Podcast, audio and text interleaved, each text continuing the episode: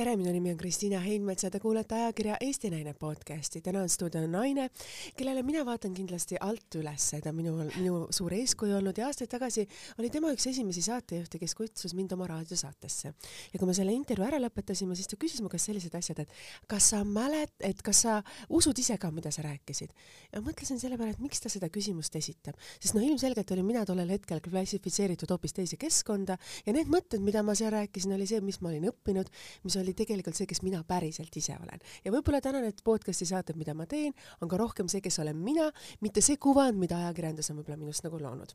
aga see naine, kes minu vastas istub, ei vaja väga sissejuhatust ega lisakommentaare, sest pole ühtegi eestimaalast, kes seda ei armastaks, pole ühtegi eestimaalast, kes teda ei oleks teleekraanil näinud ja pole ühtegi eestimaalast ju just vanemas generatsioonis, kes iga kord suure armastusega ei mõtleks nendele ilusatele hetkedele, mida see naine on nende südametesse aastate jooksul pandud, pannud. Mm.. tere tulemast, armastatud saatejuht, kuue lapse lapse vanaema Reet Linna no tere, see oli nii ilus algus, et ohohoh. No nii nagu elu päriselt on ja mm. nende sõnadega ja nende hetkedega, mida me tegelikult inimestena, naistena ju läbi elame. Mm. Et aitäh, et sa tulid, sa näed imeilus täna välja, ma küsiksin, mis on sinu ilu, sinu sära ja selle energia saladus, sellel peab olema eriline retsept. No tegelikult ei ole, seda küsitakse nii palju mu käest, et esiteks on see kindlasti geneetiline, sest mu ema, kes nüüd seal üleval inglite juures juba on, ema oli ka väga-väga kaua, nägi väga hea välja ja võib-olla see on niisugune noh, see on niisugune stamplause, aga see positiivsus, et ma üritan elust võtta ikkagi seda paremat poolt ja ja natuke muidugi liigun nii palju kui vähegi võimalik, hetkel on muidugi nii libe ja ei ole tore, aga liigun ja, ja vaatan ka, mida ma suhu panen, aga mul ei ole midagi erilist retsepti ah,. üks asi siiski on naisterahvana, mul on Kuulame. väga hea kosmo-, kosmeetik ja just nimelt, kes, kes silitab ja paitab mu nägu, aga rohkemat nagu ei tee ja ta, äh, kuna ma olen ilmselt selles vanusegrupis võib-olla tema äh, nendest klientidest üks äh, vanemaid, siis tal on hea jälgida läbi ekraani, et kas see, mis ta teeb, läheb ka nagu korda, et, et, et see õnnestub, nii et, et selles mõttes mul tõesti ei ole, seda küsitakse nii palju mu käest, et mis, mis see valem on või mis, mis ma teen. Väga, väga, väga, väga ei tee.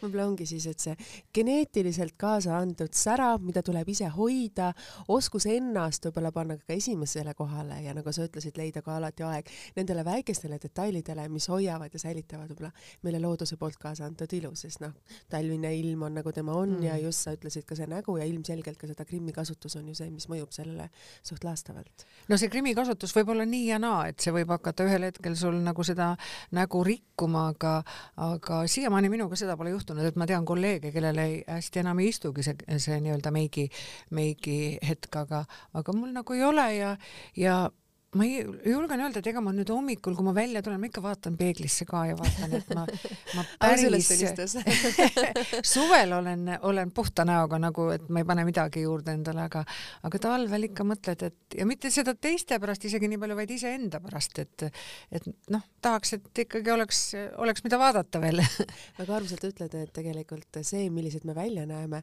ei tee ju me seda teiste jaoks mm,, vaid me peame just. seda iseenda jaoks mm -hmm. tegema. ja kui me mõistame seda, et see on oluline, siis ongi võib-olla see elu palju positiivsem kui see, mida me mm. tegelikult võib-olla siin ümberringi näeme.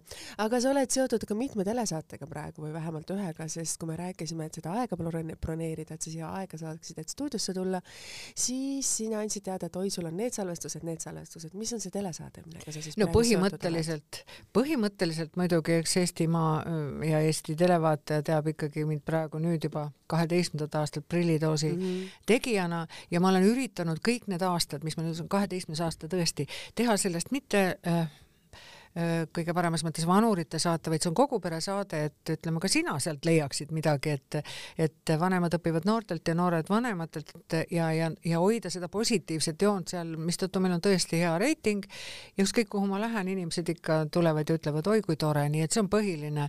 aga sealt nipet-näpet kuskilt tuleb, et ma väga ei ole rohkem võtnud ma isegi ei tea, kas ma jõuaksin, sellepärast et, et tund aega teha iga, igaks pühapäevaks saadet, meil ei ole väga suur meeskond või ütleme, mõtlejate, toimetajate hulk, et, et ega ei jõuagi teha kas see prillitoos on siis võib öelda sinu nägu ja sinu ja. mõtted, et mida sa selle saate juures siis kõik teed peale selle, et televaataja ju näeb, et sa oled ainult ekraanil? no põhimõtteliselt meil on, on, on teine saatejuht ka Tartus, kes teeb igasse saatesse siis ühe loo kindlasti ka Tartust. ja mul on ka toimetaja, minu nimi tiitrites on ka saatejuht, toimetaja, et, et kõik pikad lood on minu lood. täna ma näiteks lähen antud hetkel, kui me sinuga räägime, siis ma lähen veel mingisse piljardiklubisse, kus õpetatakse piljardit mängima ja räägitakse, kui tore see on. et sellised väiksed lupse teen ka nii, et, et see, aga ma otsin, mina olen see, kes otsib need nii-öelda suured persoonid, kellega, kellega me nimetame seda pikaks intervjuuks, mis mm -hmm. alati mhm. saate lõpus on, et need otsin kõik mina, et ma olen nende autor puhtalt. et ega seda sebimist on päris palju et äh, selles ühes saates on ju mõnikord kolm-neli lõiku minu omad juba, nii et, et äh, kogu aeg pead olema ja kogu aeg pead jälgima, et, et ma ei teeks sedasama, mida kusagil teises kanalis juba tehtud on või et inimene, keda hästi palju nähtud on, ma otsin neid, kellest tõesti vähe on, on kuulda olnud, et mul tuleb tagantjärgi praegu meelde, kuidas siis, kui meie maailmameistrid äh,, olümpiavõitjad tulid äh, vehklejad mm, -hmm, siis jah. ma otsisin üles ühe kooliaegse tuttava, toona väga kena poisi Boriss Joffe jaa, loomulikult. ja, ja Borissiga me saime nii hea laine peale, sellest tuli väga tore intervjuu, et temaga polnud mitte keegi kunagi teinud.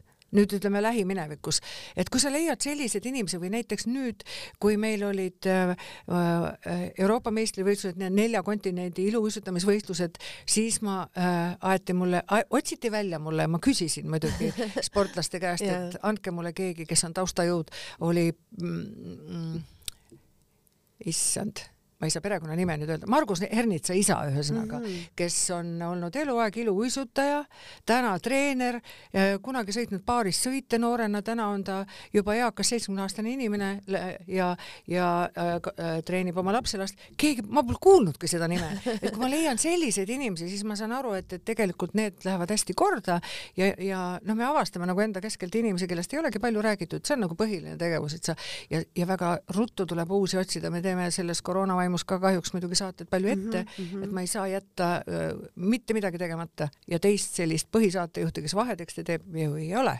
ja nad ei ole isegi asemikku välja mõelnud mulle, nii et ma, ma ei tea, kui midagi juhtub. sa ütled absoluutselt õigesti, Reet, sa oled asendamatu no asendamatuid inimesi öeldakse, et ei ole tegelikult olemas, aga, aga praegusel hetkel, sülitan, et ei ole minuga midagi juhtunud, et äh, ei, ei kõigi nende aastate jooksul minu pärast ei ole mitte ühtegi salvestust ära jäänud aga vaata, kui ilusti sa ütled tegelikult, et kui palju on meie seas inimesi, kes on unustatud mm -hmm. ja kes mingil hetkel on mänginud ju võib-olla avalikkuse ees mm -hmm. väga mhm. suurt rolli ja nende inimene üles, ülesotsimine on ju ka kogemus, mis tuleb aastatega, et ükski noor saatejuht ei omaks sellist kogemust ja ei tuleks nende mõtete peale, mida sinul on oma kogemuste pagasiga aastate jooksul ju kaasa võetud. mul tuleb meelde praegu kohe see, kui, kui ma tegin, noh, toona, kui meil oli Tähelaev mm -hmm. veel ja ma yeah. tegin meie ooperilaulust Urve Tautsist tegin tegin Terve tähe laeva ja siis tuli Rasmus Kage, kes siis oli veel meie majas tööl, ütles, kuule, nii äge oli, ma, mul polnud õrna aimugi, et Urve Tauts on olnud aerutaja või sõudja mm. -hmm. et kui sa teed midagi, mis läheb korda nooremale inimesele, ta seda märkab, et noh, see on niisugune didaktiline peaaegu, et annad niisugust infot, mida, mida, millest ei ole räägitud ma küsin kohe siis siia juurde, mis on see, mida me sinust veel ei tea, sa mainisid aerutaja ja sellised veespordialad ka sellise kauni naisterahva puhul, et mis on nagu sinu see asi, millest sa ei ole üldse rääkinud, aga mis on selline väike saladus, selline kirsikene peidus seal tordi all? no eks ma olen neid intervjuusid läbi aegade ikkagi väga palju andnud, et, et sellest, selles, selles mõttes nagu teatakse ikka peaaegu kõike minust, et nagu ma olen öelnud, et ma oma magamistuppa ei lase, ei ajakirjanikku ega kaamerat, aga seda, et ma olen nüüd sõitnud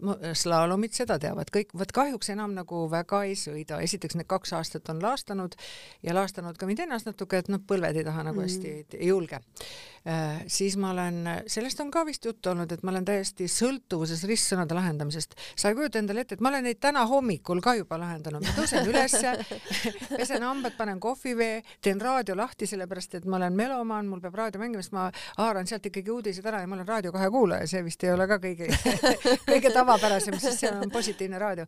ja siis ma lahendan ristsõnu ja, ja ma ja meeletult õhtul, kui teleka ees igav on, siis ma jälle lahendan neid, et see on üks sõltuvus, millest ma ei ole nagu palju rääkinud, et et ja, ja ma, ma ei oska sulle öelda, et ma olen niisugune pühendunud vanaema. Et eh, nii, nii palju kui võimalik, see on kahjuks küll vähe antud ajahetkel jälle, et kui ma saan neid hoida ja nendega olla, see on minu niisugune põhiline hobi, aga mulle väga meeldib kuulata väga äh, head rokkmuusikat, mis jälle minu vanusega kokku ei lähe. oot-oot-oot, mis ansambel siis eh, on, on sinu jaoks nagu praegu oluline?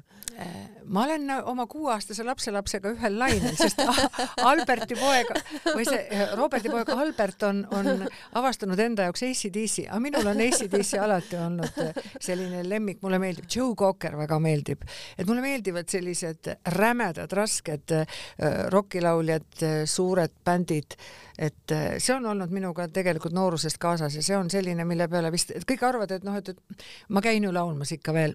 oot-oot-oot, kus sa laulad teeme kõik asjad selgeks, et mina olen, kuidas öelda, samamoodi natukene teise generatsiooni esindaja mm. ja kindlasti mõnigi detail on minul jäänud kõrvast mööda ja ma arvan ka väga paljude kuulajate mm. jaoks, sest üks asi on lugeda, teine asi on seda mm. asja kuulata.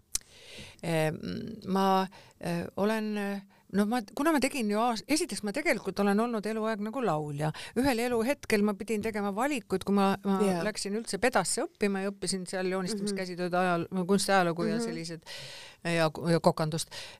ja siis ma ei tahtnud väga õpetajaks minna, sest et meid saadeti palju maale ja mul vanem poiss siis oli ju väike ja ma tahtsin jääda linna.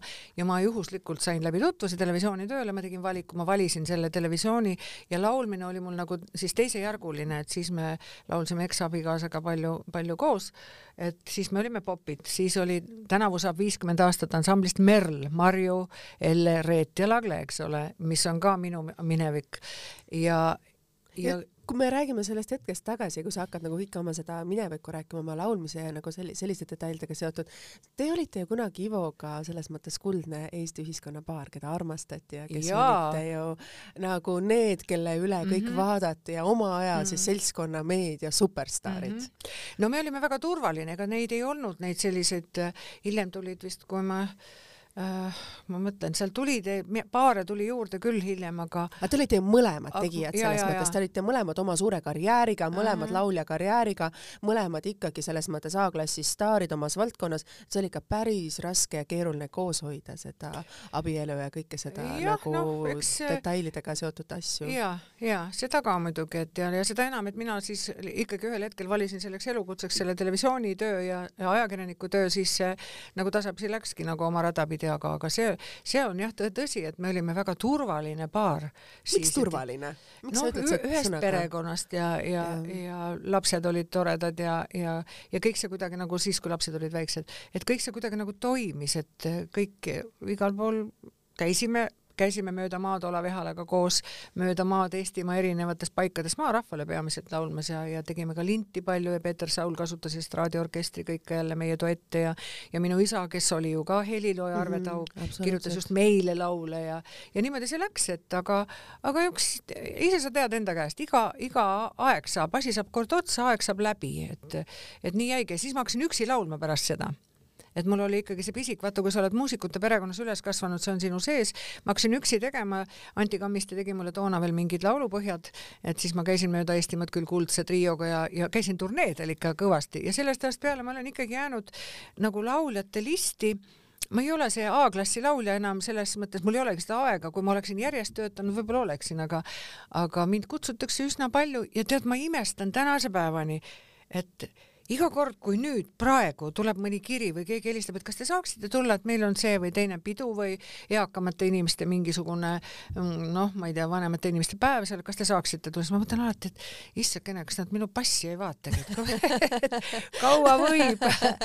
Et, et inimesed on nii armsad, nad ei lase mul nagu seda sukakudumise perioodini minna, et aga väga õigesti, sellepärast et sinu see, kuidas öelda, positiivsus on see, mis hoiab sind selles vanuses mm., millena sa oled, kellele sa oled läinud inimeste hinge ja ilmselgelt sa ei ole seda teinud seda täna, vaid aastaid tagasi ja sa jääd ka osaks inimestena just selle, sellisena, kellena sa tollel hetkel mm. ekraanil olid. noh, laulad ju Pärlipüüdja või Jambalaya, millele ja. sa ju ise si ütleme, sõnad kirjutatud on ju siiamaani meie mm. Eesti hitid, et kui mm. keegi võtab selle laulu üles, siis ilmselgelt kodus ekraani taga kõik laulavad ja,. jah, tõesti on pärlipüüdja kohta on öeldud, et noh, et see on kõige suurem hitt, mis üldse on. seda me, on laevade peal karookel ükskõik kus kohas ikka tuleb see pärlipüüdja, et. ja neid laule oli ju veel. ja, ja jah, Jambalaya ja siis on terve hulk, ma Karavanile tegelikult Karl Madisalule olen väga palju laule kirjutanud, mis läksid väga popiks, väikest poissi tean ja, ja oh jumal Need on, need on siis Ele ja üks Kaja Kala. laus ja üks viis. see no, oli minu no, laul. sellest ei saa üle ega ümber ju. see on juba laulupeole läinud. samuti on laulupeole läinud Oma maa mm, -hmm. mille, mille me koos Gunnar Kriigiga tegime või siis Ele ja Kaja Kõlariga, kes on sinu, ammu enne sinu põlvkonda olnud toredad, tore lauljate, õdede paar. et Kajaga meil oli väga tihe koos, koostöö, mina ise näiteks, mida lauldakse tänase päevani, et neid on küll ja veel neid laule, nii et, et see on, see on see pool, millest, no nüüd ilmselt teatakse rohkem, aga millest tükk aega ei teatud, sest et ma mäletan, kui, kui oli minu, noh, mis ma seal salgan, seitsmekümne viies juubel, eks ju, sellest oli palju juttu ja ja siis, kui äh, ma vist Ringvaates käisin ja siis Reikop lõi kahte kätt kokku, ütles, kas sina oled need sõnad teinud, ta ei teadnudki seda, et noh, pärlipüüdja või mis iganes, selle kohta ütlen, oli järelikult äh, Markol väga halb toimetaja, saaktoimetaja või liiga noorest, noor vanus et äh, jah, et paljud ei teadnud seda, et see on nagu üks äh, üks niisugune pool minust. mida sa ise mäletad sellest perioodist, sa ise tood nagu seda väga esile, et võib-olla inimesed on selle jätnud kahe silma vahele, et mis oli see, et ilmselgelt selline nice power nendel kaheksakümnendatel ju, kui see oli hästi populaarne, kõik need asjad, et et kuidas te ise tundsite nagu tollel hetkel, et kogu see naisliikumised ja asjad ju hakkasid ka mõnes mõttes siis pihta, et enne seda oli ikkagi Eestis väga diferentseeritum see asi?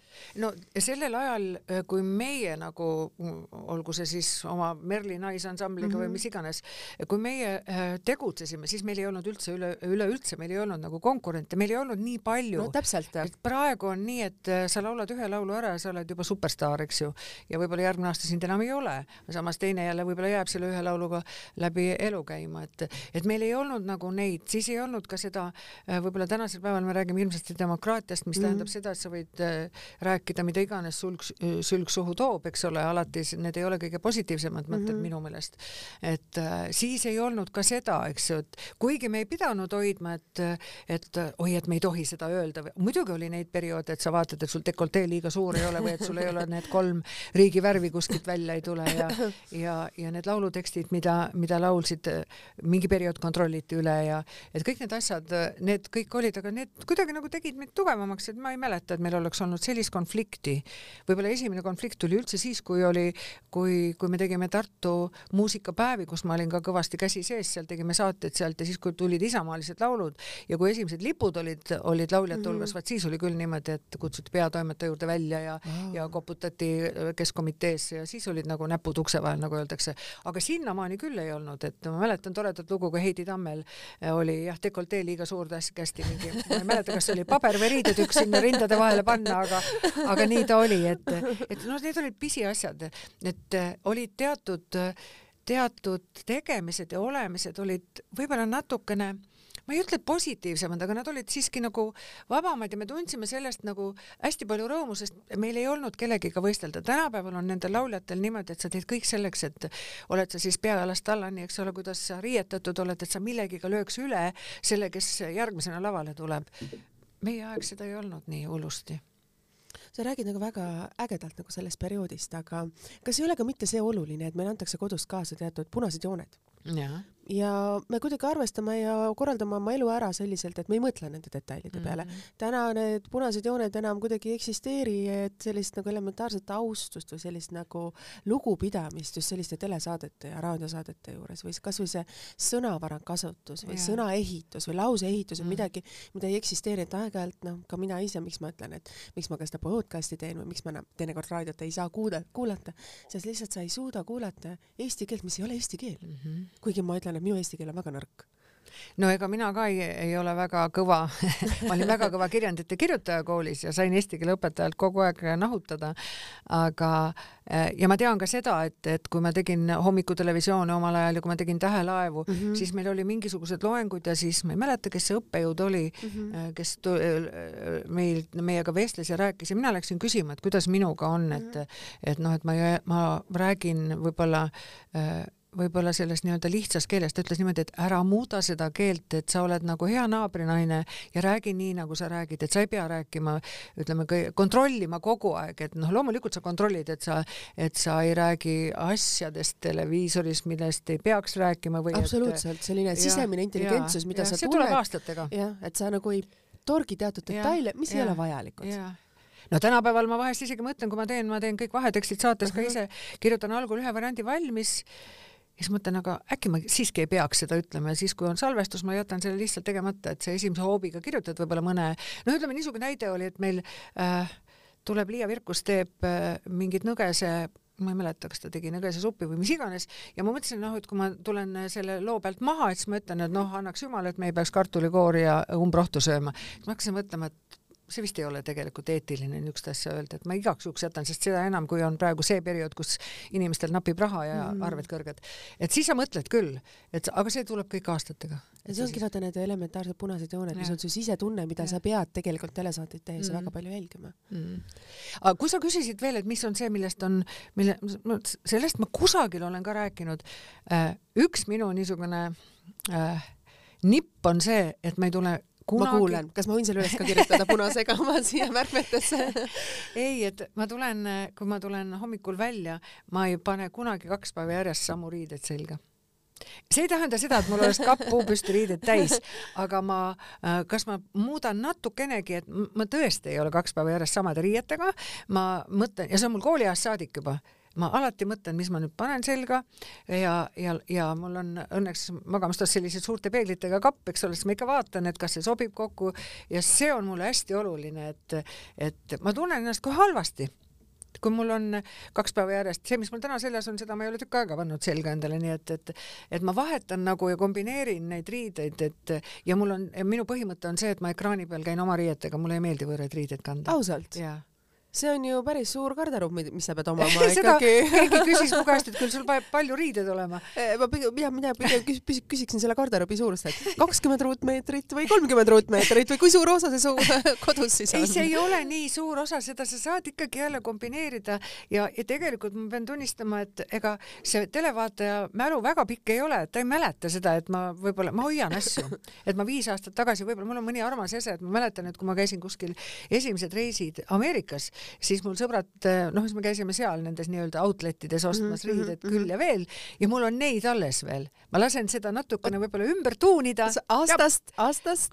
võib-olla see oli üheksakümmend, kaheksakümmend üheksa, üheksakümmend, mul on neid riideid alles. uskumatu. jah et see on ju väga selline teadlik suhtumine juba riietesse ja mõnes mõttes ka ju täna me räägime kõik sellisest säästlikkusest ja, ja asjast, siis see on kuidagi sulle juba elementaarselt sees. ma ei julge öelda, et see teadlik, võib-olla pigem on see alateadlik et, et mul on see jah, et äh, mäletan, et mul tütar kunagi tantsis palestras hoolega ja siis need mm -hmm. palestra tüdrukud käisid, kui neil oli stiilipidus, käisid minu käest riided vaatamas kas ikka tagasi toodi kõik? ja ikka, ikka ja, ja kusjuures kõige toredam on see, et, et, et mul, just avastasin, et ma olen alles hoidnud mingi toreda, väga ilusa niisuguse mürkrohelise jaki ja praegu on batšokid moes asju. mõtlesin, see on nüüd küll, ma ei mäleta, kas üheksakümnendatest või kus see on seisnud mul kapis, mul on nüüd ütleme niisugused vintage riided nagu eraldi pandud, neid ei ole kuigi palju, et ma panen selle selga ühel päeval kindlasti kohe kindlasti režissöör imetleb, et mis asi see sul on, aga mina tean, et need on moes ja värv on hea. väga ägedalt nagu selles mõttes öeldud, et mul on endal ka, ma olen sinuga absoluutselt ühte, ühte selles mõttes sinuga nõus, mul on ka, ka nõndanimetatud, mina nimetaksin neid selliseks nagu spetsiaalseks riietuseks, mis on mul mhm. kottide sees, mida ma aeg-ajalt välja võtan. nii mõnigi kleit on mul aastast veel üheksakümmend üheksa, mida ma näiteks ka endal see aasta sünnipäevale selga panin. nüüd aastaid hiljem isegi läks selga, et selle kohta ma küsiks ka, mis on sinu hea sellise keha siis või figuuri hoidmise saladus, sa ütlesid, et sa liigud küll iga päev, et ja sa sööd küll igasuguseid asju, aga on ka kindel rutiin, mida sa tead, et see on su üks osa su elust ja ilma selleta sa hakkama ei saa Oh, on see jooga, on see igapäevane ei, joogat ma ei tee, mul on väimes, on füsioterapeut ja nüüd kuna, kuna ma nüüd tunnen praegu, et hommikuti, kui ma ärkan, et siis selg on nii kange vahest, et sa ei saa hambaidki pesta õieti, et oleneb vist, kuidas ma magan.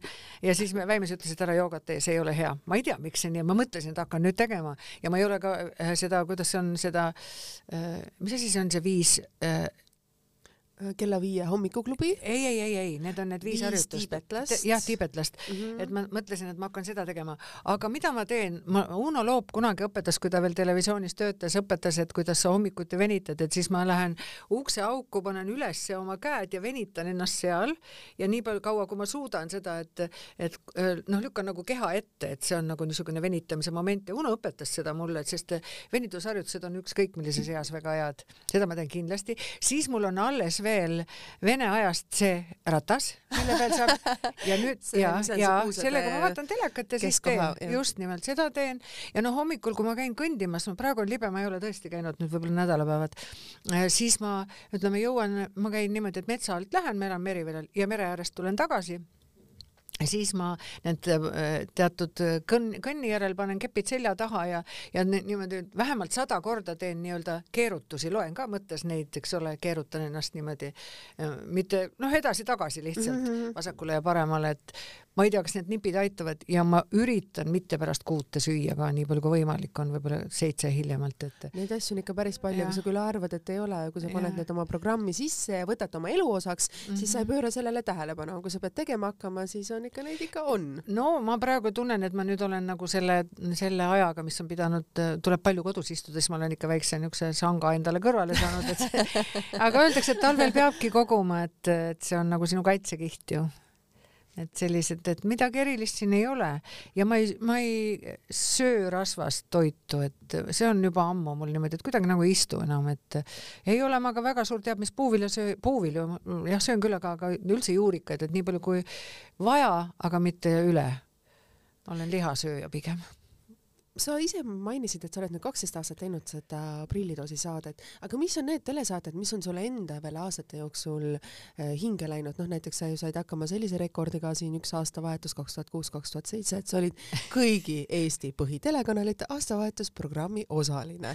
et aga mis on need võib-olla hetked, mida sa ise mäletad või saated, mis on sulle endale aastate jooksul hinge läinud, mida sa teinud oled ja neid ei suuda ju me siin saates kõik üles lugeda mm. -hmm. no e- ennekõike muidugi ma nimetaks Tähelaeva ja minu jaoks on alati olnud see, et, et, et ma olen saanud teha nende inimestega näiteks Ilon Viiklandiga, igalühel ei ole olnud õnne temaga teha intervjuud nii, et sa käid ka tema juures kodus, ma käisin mm -hmm. Stockholmis ta juures kodus ja, ja, ja vaat siinkohal ma võin jälle öelda naistele ühe väikese vingi. me, proua oli siis juba kaheksakümmend kõvasti ja ta praegu ju elab veel mm, -hmm. et ja me käisime tema kodus ära, siis tulime välja, et väljas jalutada ja teha intervjuud, tal olid jalas tema vanuses niisugused lahedad helesinised teksapüksid ja mingi roosakas pluus oli ja ühel hetkel ta ütles operaatorile, et oota, katkestame korra. Tegime pausi, ta võttis tagataskust välja huulepulga ja värvis huuled uuesti ära. salvestuse ajal kontrollis seda. et, et seda ma olen ka rääkinud igal pool naistele, et hoidke see huulepulk siiski läheduses, et, et ilmselt on nii, et vanemas eas sul see, see noh, huule, huultest kaob nagu see värv ära, et siis hoia seda, et kui kaheksakümne aastane proua teeb midagi taolist, et aga ta, kogu see tema olek ja see, kuidas ta kodus, kuidas ta rääkis, sest ta oli mul stuudios ka pärast mm -hmm. ja lõpetuseks ta kinkis mulle ühe oma raamatu Tõmmise, mida ei ole ka igaühega juhtunud, et selle ma raamisin ära, see on seina peal või et ma olen E-klassiga teinud. viimasel ajal olen ma äh, äh, ka prillidoosis olen ma saanud teha inimestega, kellest võib-olla ei ole keegi teinud. mulle tuleb nüüd, issand oota, ma mõtlen. ma prillitoast praegu siiski ei räägi, et, et jah, Tähelaev on see kunagised hommikutelevisioonid, öötelevisioon, mis on no mällu jäänud ja muidugi siis see, kui, kui nüüd see kordus öötelevisioon oli siis. oota, sul on tätoveering? jaa mul on kuidagi mõned asjad ka silmist mööda läinud. sul on päriselt tätoveering ja sa selle, tegid selle millal? selle ma tegin siis aasta tagasi, kui oli öötelevisiooni nii-öelda aastapäev ja, ja, ja Karmel Killandi otsustas, et me teeme, taastame selle mm -hmm. ja mina siis mõtlesin, mida ma teen, et üks asi kindlasti, et muusikas ma kutsun oma poja Roberti ühe bändidest, et Elephants from Neptune oli stuudios ja et meenutame seda aega, noh, need mm -hmm. videod toonased olid ju alles et ja ma mäletan, et või noh, tean, et mul oli kaadris siis mingi lillepärg, ma lasin endale kõik Krimmitoas ka samasuguse pärja pähe panna ja siis ma mõtlesin, millega ma üllatan. okei okay,, ma teen hennaga, teen selle tätoveeringu, ütlesin, rääkisin lastele ka, et mis te arvate sellest, et, et teen ja siis ütles Karmel, et mis see jama, tee päriselt. ma hakkasin otsima seda henna tegija, ütles mulle, et, et meil ei ole tänapäeval seda materjali, millest teha, et seda lihtsalt ei ole. ja Karmel ütles, mis see jama, tee päriselt. ja helistasin Robertile, kes on minu nii-öelda usaldusisik, poeg küsisin, et Robbie, mis sa arvad? jess, ema, tee, muidugi tee oh aga ülejäänud perekond teadis, et ma teen hennaga. ja siis ta andis mulle üks Bibi oli üks tore tätoveerija seal kusagil Paavlis ja võtsin temaga ühendust, hästi sümpaatne tüdruk oli ja, ja mõtlesime välja siis selle asja. mis asi see on, et No ta on tegelikult päike täht, ja- minu ja- poolt on nagu tähe moodi jah, selline. lõpmatus, lõpmatus ja päike ja täht, eks ole. miks sa sellise asja just valisid? Öeldakse, et see, mida sa keha peale paned, see peaks sulle andma energiat. Ma arvan, et ta annab mulle, ma, ma olen äh, pidanud ennast läbi selle aja aastate, ma olen tegelikult lillelaps ja see jutustab tegelikult sinu küsimustele väga paljudele annab ka vastuseid, eks ole, et ma olen selline rõõmsameelne. mulle meeldib tõesti käia teistmoodi riides, võib-olla värvikamalt kui minu eas koha, kohane on või. teha veel seitsmekümne, seitsmekümne kuue aastaselt endale tätoveering just, aga see oli tore siis, kui noh, meil see Messenger, lapsed tegid selle, selle koroonaga seoses tegime niisuguse perekonna Messengeri, millest ma varem ei teadnud ju midagi sellest ja siis kirjutavad vastamisi, et appi, ta teeb päriselt. lapsed olid täiesti šokis sellest, et nad ei uskunud seda ja, ja tegelikult selle tagasiside oli väga tore, et samal suvel oli Paides oli üks äh, eakate suurüritus, kus oli üle viiesaja inimese erinevaid asju seal ja mina olin seal laulma kutsutud, et mm -hmm. koos Tõnu Raadiku ja Aare Jaamaga. ja siis tuli ja ma jalutasin seal ringi, üks minuvanune proua tuli, ütles, teate, kuulge, kas te näitaksite mulle seda maainimene mm. -hmm. ma ütlesin jaa, muidugi, et ma olen nii tahtnud endale seda teha. kas oli valus ka, tegelikult ei olnud üldse valus, niisugune, ei, see ei ole valus. et ja ma ei tea, kas ta tänaseni tegi, aga, aga see on üks hullus, mida jah, võib-olla millest ei ole nüüd, kes ei näinud öötelevisioonis, ei tea seda, aga see ja ma ei kahetse seda, mitte üks raas ei kahetse, see ei ole mul paiste läinud, see ei ole mulle haiget teinud. ma isegi olen uhke selle üle. mis on need hullused, mida sa oled veel elus ette võtnud, et noh, see, mida sa praegu rääkisid, jah, sellele on väga raske vastet leida, aga mida sa nooruses mäletad, et mida teised ei teinud ja mida sina võib-olla ette võtsid näiteks oma lapsepõlves või teismeeas, et ja võib-olla emale ei rääkinud, mida sa saladuses hoidsid? Issakene, ma ma ei oska sulle nii äkki vastatagi, milline nägi välja sinu ja Ivo esimene kohting näiteks, ma küsiks sellist detaili, et mida sa mäletad, ilmselgelt sinu vanemad olid mõnes mõttes šokeeritud, noh, arvestades Ivo. Linna ju sellist tuntust tollel hetkel, et ta ei olnud siis veel väga tuntud tegelikult, et see kohtumine oli nii, et mina olin televisioonis juba tööl ja ma olin Leo Karpini saadete juures abi Mm -hmm. ja siis ta pidi tulema telesse esinema mm -hmm. ja ma läksin talle metsakalmistule järgi, sest seal oli sõjaväeorkester, millega ta seal mängis ja ma mäletan, et mul olid väga uhked lakksaapad, minimantel, roheline, selline mm, buklee ja, ja lakksaapad olid jalas, millest ta hiljem väga palju rääkis, et kõik pillimehed keerasid pea, kui tuli üks tibi sinna, niisugune, mul olid pikad juuksed uhked siis ja, ja lakksaabastes mini, mini, minimantlis, et seal oli nagu see praktiliselt esimene kohtumine, nii et see ei ole ju midagi romantilist, metsakalmistul. no aga teistmoodi jälle, nii et, et selline oli see jah, see algus ja sealt see kuidagi nagu alguse sai. Kui sa mõtled nüüd oma elule tagasi, mis ma hetk tagasi küsisin, et mis on ikkagi need asjad, mida sa teismelises tegid, mida sa teistele ei rääkinud? Sinu lapsepõlvest, et mida sa nagu sellest perioodist ise mäletad, sest lapsepõlv on tegelikult ju see, mis meid hästi palju kujundab ja kuhu me ise nagu ka inimeste ja naistena ju taga, tegelikult tagasi läheme, kui me saame emaks, kui me oleme vanaemad, et need on ju need reeglid või asjad, mida, detailid, mida me oma perekonnast ju ammutame ja edasi anname ma ei oska sulle seda öelda, sest ma olin, eh, küllap ma olin nooruses muidugi eriti see ka veel, kellel olid need hädavaled alati olemas. mis need olid et noh, teinekord, et ma olin väga tantsuhimuline, et me käisime pidudel, kuhu ei Mhm. tohtinud minna salaja, et äh, äh, sai nagu siis kägu aetud emale ja ema oli selline sinisilmne, et uskus paljusid asju, et et palju nagu läks nagu nendes kohtades äh, sellest elust nagu kaduma, et et äh, ma ei, mul on väga raske sulle vastata, ma ei oskagi nagu praegu välja tuua seda midagi, midagi sellist, mida, mida ma nii saladuses hoidsin, et mul ei olnud ühtegi sellist peikat, kellest ei oleks nagu keegi teadnud, et ma olen nagu mm, eluaeg olnud selline natukene sinisilmne, vaatamata sellele, et mul on pruunid silmad, et ma olen nagu inimesi hästi usaldanud ja, ja, ja, ja aga see on väga õige asi, et elada, et usaldada elu ja usaldada Jaa, inimesi, sest muidu sa muutud ju kibestunuks ja nähes sinu sära, siis ma arvan, et see on üks retsept, mida tasuks kuulajatel kindlasti kõrva taha panna, et usalda iseennast. mul tuleb meelde üks asi, mis on nagu patt hinge peal, ma mäletan, et ma olin pioneerilaagris mm, Mhm. -hmm. minu ajal oli, oli pioneeri, Valkla pioneerilaagris, meil olid ka soomlased seal mm, Mhm. -hmm. kellega tekkis hiljem kirjavahetus ja, ja, ja ma vist maga, magamis sellest ruumist, kus me magasime mm, Mhm. -hmm. ma ei mäleta, mis asi see oli, ma varastasin kelleltki midagi ja mis Oi. asi see oli, see ei olnud taskunugaga midagi sellist igapäevast asja oli. Ja mul tuleb praegu see meelde, küll ma siis põdesin seda, et see oli nii vale tegu, see oli nii vale tegu, aga ma varastasin selle. see oli väike asi muidugi, ma ei ole elus midagi varastanud pigem vastupidi, ma olen nagu andja tüüp olnud ja heategevusega palju tege-, võib-olla see ongi alateadvus, et tänapäeval heategevust palju teinud, et see on üks selline asi, aga see, aga see pani mind mõtlema võib-olla.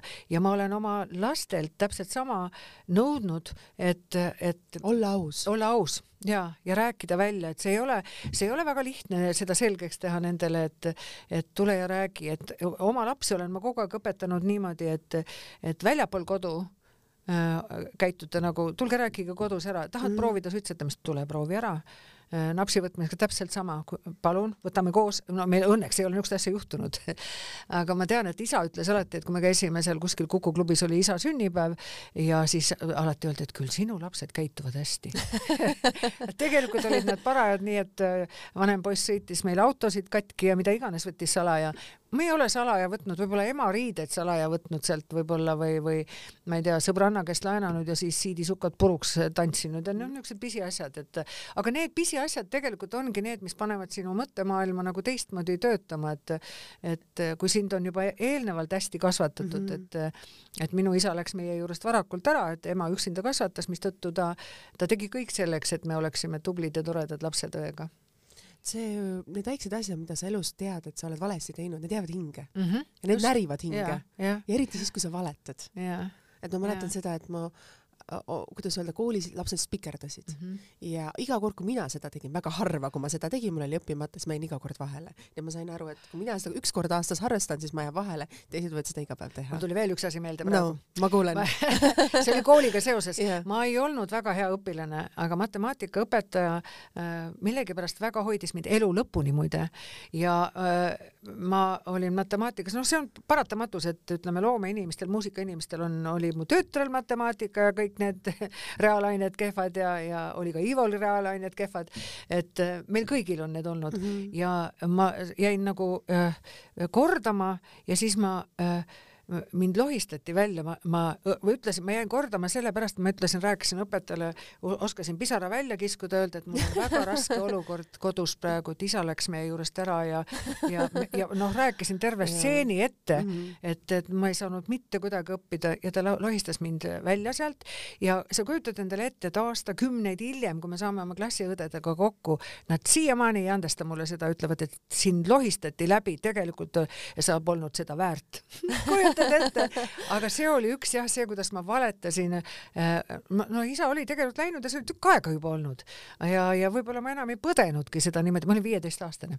et siis sa räägid jah niimoodi ja õpetajal oli minust nii kahju et lohistas mu läbi.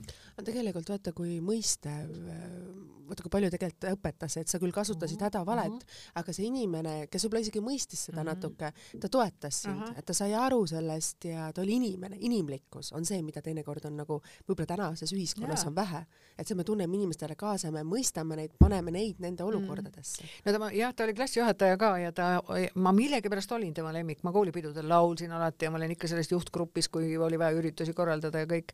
Et miski oli, mida, mida millegipärast mu klassikaaslased ei taha kuidagi alla neelata, et see oli nii. No ilmselgelt sa õppisid ka sellises koolis nagu seitsmes keskkool, aga sa just hetk tagasi mainisid, et inglise keelega sul ei olnud hästi, kuna te olite eksperimentaar saksa keele klassis. kusjuures meil oli õpetaja selline naljanumber ka veel, õpetaja Pendre oli, kes, kellel olid sukad keerdus ja valehambad suus ja kui ta väga kisendas, siis tal need lendasid suust välja. Et ta jah, et see ei olnud nagu see, pigem me tegime nalja selles klassis ja ja hiljem, kui ma mm, pedas või pedagoogilises õppisin ja oli veel saksa keel, et siis sealt läks ka nii, et ühest kõrvast sisse, teisest välja. ma saan hädapärast hakkama, kui ma lähen välismaale. ma olen enda äh, noh, ise õppimisega saanud enam-vähem inglise keelega, et ma olen kord ja kord Ameerikas käinud, ma saan hakkama sellega. aga nüüd ma olengi, see on minu kõige nõrgem lüli iseenesest, et ma ei valda korralikult keeli, ma imetlen, kuidas meie täna ajakirjanikud, kui ilusat inglise keelt nad räägivad või Anu Välba näiteks, kuidas keel on tal nii pehmelt suus. mul mul ei ole seda, et sellest on kahju. tegelikult see on ju ka see keskkond, kus me üles kasvasime mm, -hmm. nagu sa ütlesid, et see, need õpetajad ju määravad väga palju mm -hmm. meie elust ja ka vanemad ja keskkonnad, kus ja. me oleme, et ja. ka need oskused tulevad Just. meile külge, mida me kunagi ei tea, mis võivad olla meile kasuks mm. -hmm. no ilmselgelt tollel hetkel tundus, et ma ei pea saksa keelt õppima väga ühest kõrvast sisse ja teisest kõrvast välja, on väga hea.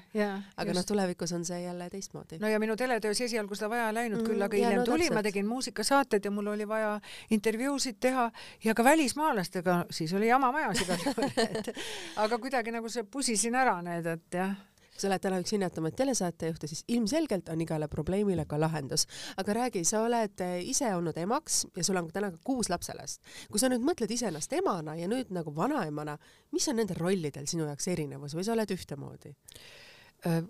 No ma, ma arvan, et ma, ma ei ole olnud ka halb ema, sest et mm., et ma olen üritanud kõikide jaoks anda, anda selle, mis mul vähegi anda on, aga see on küll tõde, mille, mida sa kindlasti oled kuulnud, et mm -hmm. vana, vanavanemad annavad lastele, lastelastele kõik selle, mille, mis neil on äh, jäänud tegemata oma lastega. no ma ei oska öelda, mis mul tegemata jäänud on, et võib-olla teletöös oli tõesti niimoodi, et mind ei olnud kuigi palju yeah., et Robert näiteks on üles kasvanud televisioonimajas, et ikka oli ka kaasas seal ja ka vanem poiss oli kaasas, nii et, et äh, nad on nagu selles mõttes lapselapsed, äh, üks nendest, kes nüüd on kakskümmend kaks, äh, kakskümmend kolm isegi, nimetas mind teleka vanaemaks lasteaias, eks ole, teistel oli maavanaema ja linnavanaema ja Kasparil oli teleka vanaema. et, et nüüd ma üritan kõike seda teha ja see ei ole, see on imeline, kui, kui nad tulevad ja, ja, ja ja nad tahavad su juures olla, mul on Meriväljal päris suur aed ja neil on ruumi seal olla ja, ja on hetki olnud, kus kodus öeldakse, et ma tahan, ma olen mana, tahan, ma tahan mana juurde minna mm,, kõik, eks ole. nii armas. nii on, et kui väike, kõige väiksem on praegu saab kevadel, mais saab kolmeseks, on Roberti tütar Eevi, äh, kes see selline tunne, et sa lähed, ma äh, läksin neile, vist läksingi hoidma teda, läksin äh, nende juurde koju Kalamajas ja see nägu, kui ta nägi, mana tuli ja see, see oli niisugune kingitus, et, et ma ja see väike käsi, kui ta võtab äh, käe ja ütleb, et mana, lähme mängutuppa, mul on üks niisugune mängutuba, et mm -hmm. lähme mängutuppa, tule minuga mängima. no sa siis ei tule, muidugi tuled, et kõik see, et ja siis on mul vanem, kõige vanem lapselaps, kes on ka tütar, meil on niimoodi, et esimene ja praegu viimane, ülejäänud mm -hmm. poisid vahepeal, siis ta oli väike Äh, väga väike ja jõulude aeg, siis oligi just see lahkuminek olnud ja ma ilmselt ei olnud väga-väga äh, äh, rõõmus vanaema. jõulupuu, kuuse alla oli ta pannud tapeedi sisse, leidnud kuskilt puudridoosi, milles enam puudrit ei olnud, aga see oli minule kingitus. kui armas. et see näitab, kuidas nad suhtuvad minusse, nii et nad ikka hoiavad kõik, et selles mõttes suhtes, et mul on väga-väga vedanud, et ma olen nagu oma valiku teinud, et pühendanud ennast oma, oma lastele ja lastelastele ja, ja see toimib küsiksin siia juurde, et kas see täidab su elu piisavalt või sa aeg-ajalt mõtled, et tahaks võib-olla kuidagi teistmoodi ka valikuid teha oma elus? nojah, ega ta päriselt ei täida, ma nüüd, kui me olime. aitäh sulle, et sa selle lause mainisid, et ma ei ole kunagi seda suutnud seda või ühesõnaga ma ei ole kunagi seda küsimust esitanud mm, -hmm. aga kuna ka ma tekitasin praegu, tekitasid mulle tunde, et ma küsin sinu sellise mhm. energia mm -hmm. juures, et kas see nagu on piisav ainult ühele asjale oma elus pühendada või ikkagi tahaks ikka seda naiseks olemist ka nagu äh, tunnetada äh,? jaa, ei muidugi tahaks tegelikult, ma ei, ma ei eita seda, et, et äh, on hetki, kus sa mõtled, et issake, me sõbrannadega räägime ainult lastest ja nemad räägivad koertest, eks ole, tahaks rääkida millestki muust ja loomulikult tahad olla armunud ja ja et võib-olla tõesti sellest, et olla armunud oma lastesse, võib-olla jääb väheks, et ma tundsin seda tunnet nüüd, kui olid jõulud mm, -hmm. see oli pikk periood, eks ole, seekord olid pikad pühad ja. ja ma olin kahekümne viiendal, me olime kõik äh, Muhus minu äh, vanema poja turismitalus seal, mille, mille nad just ostsid endale vahetasid oma elu. ja olime kõik oma mhm, lapsed seal mm, -hmm. kõik -hmm. meil käis jõuluvana, väga tore oli, kakskümmend kuus ma tulin ära ja ma olin, mina ja televiisor kuni selle päevani, millal tuli tööle minna, kas see oli siis kolmas äkki või mhm, teine või kolmas ja siis ma sain aru, et ma ei taha nii olla. ma pean, esiteks ma sain aru, et ma pean töötama veel ma ei taha koju jääda, sest ma istusin ainult, vaatasin telekat, siis vahepeal sõin midagi, olin endale küll kalamarja ostnud aga see ei korvanud see ei too siis sära silmadesse? ja, ja oli toredaid saateid ka ja kõik, aga ma sain aru, et, et niimoodi passida kodus, see ei ole minu teema. ma pean saama liikuma, ma pean saama inimeste hulka äh, meil oli nüüd oli televisioonipidu mm -hmm. tagantjärgi, mis oli tegemata jäi ja, ja riskiga tehti ära, see oli väga tore pidu ja minu assistent võttis mu, ühel hetkel Traffic mängis seal ja, ja et Äh, tõmbas tantsupõrandale ja sa, ma ei uskunud seda ise ka, ma olin poolteist tundi tantsisin ja sa oleks pidanud nägema mu kolleegide nägu, kõik teavad, kui vana ma olen ju. poolteist tundi olin seal põranda peal, ilmselt ma sain kõik välja tantsitud, mis mu sees oli, et see oli nii äge, et ma, ma olin vanasti kõvasti niisugune, noh, pidudel väga meeldis käia. ega see number, mis on meie mhm. vanus mm, -hmm. ei ole meie vanus, vaid vanus on see, kuidas me ennast sees tunneme. absoluutselt, absoluutselt jah, et, et aga ma ilmselt ma nõustun sellega, mida kõik arstid, teadlased ütlevad, et see kaks aastat on mõjunud nii sulle, mulle kui ka mhm, lastele, et see, see, sa ei ole enam see, kes sa tegelikult oled, et depressiivne, stressirohke aeg on see, et, et äh, inimesed on muutunud tõsisemaks, äh, võib-olla tunnevad omas neid valupunkte rohkem, kui, kui, kui neid varem on olnud. Ma arvan, et on rohkem tulnud inimlikkust ja üksteise mõistmist. ja kokkuhoidmist ja, ja mõistmist, et kui oluline ja milline väärtus on perekond. Mm. -hmm aga samas on ka välja, välja tulnud ka see, kus on tõde, eks ole, nii mõnigi perekond on laiali läinud, tuleb välja, et ei toimi enam, eks ole. ja absoluutselt, et see, kui, kuida-, kuidas öelda, minnakse ka laiali, on mm. ka see, et need ongi need pereväärtused mm, -hmm. mis siis nii kokku jooksevad ja, mingil hetkel, et neid ei ole võimalik enam ühendada, sest noh, maailmad on nii erinevaks läinud. ma, ma pean õnneks ütlema, et minu ümber oleval, mul on kolm, kolm täiskasvanud äh, perekonda, eks ole ju, et mm -hmm. neid on see tugevdanud, see aeg ainult, et et äh, nad jah, on rohkem nagu oma perega tegelenud, pere, perega suhelnud, et et selle üle mul on ainult hea meel, aga samas on jah, nii ja naa sa, räägid sellest koroonast, et sina ju ikkagi mingitel perioodidel pidid olema väga isolatsioonis, esiteks oma vanuse tõttu kindlasti, teist korda ka oma tööalaselt uh, -huh. Eesti Televisioon oli ikkagi ju selline kaitsekiht ja uh -huh. oli ka, kuidas uh -huh. öelda, tööandja poolt ju ette antud soovitused mitte käia avalikes uh -huh. kohtades, noh, omades nagu väga palju tuttavaid, kes on selle majaga seotud ja samamoodi ju su lapsed ja lapselapsed, kes tegelikult võisid ju sulle seda asja üle kanda uh, -huh. et sul oli ju väga palju neid üksikuid perioode, kuidas sa sellest kuidagi äh, oled üles saanud? tegelikult mu tütar ja siis füsioterapeut terapeudist Väimes see on tore poiss. Äh, äh, ma elan Meriväljal, mul on suuraed ja. ja meil on ka seal üks niisugune mittekaubandusliku välimusega saun väga hea leiliga uh -huh. ja siis nad mõtlesid välja nii, me saime nii kokku, et nad tulid minu aeda uh, -huh. see oli kevadperiood ju, panime toolid välja, meil oli niisugused rohkem kui meeter vahet. Jon Marten väike, kes nüüd läks kooli uh -huh. sügisel, see sai mängida aias uh, -huh. Martin tegi sauna uh, -huh. me istusime, me ei puutunud üksteisega üldse kokku, tuppa nad minna ei tohtinud.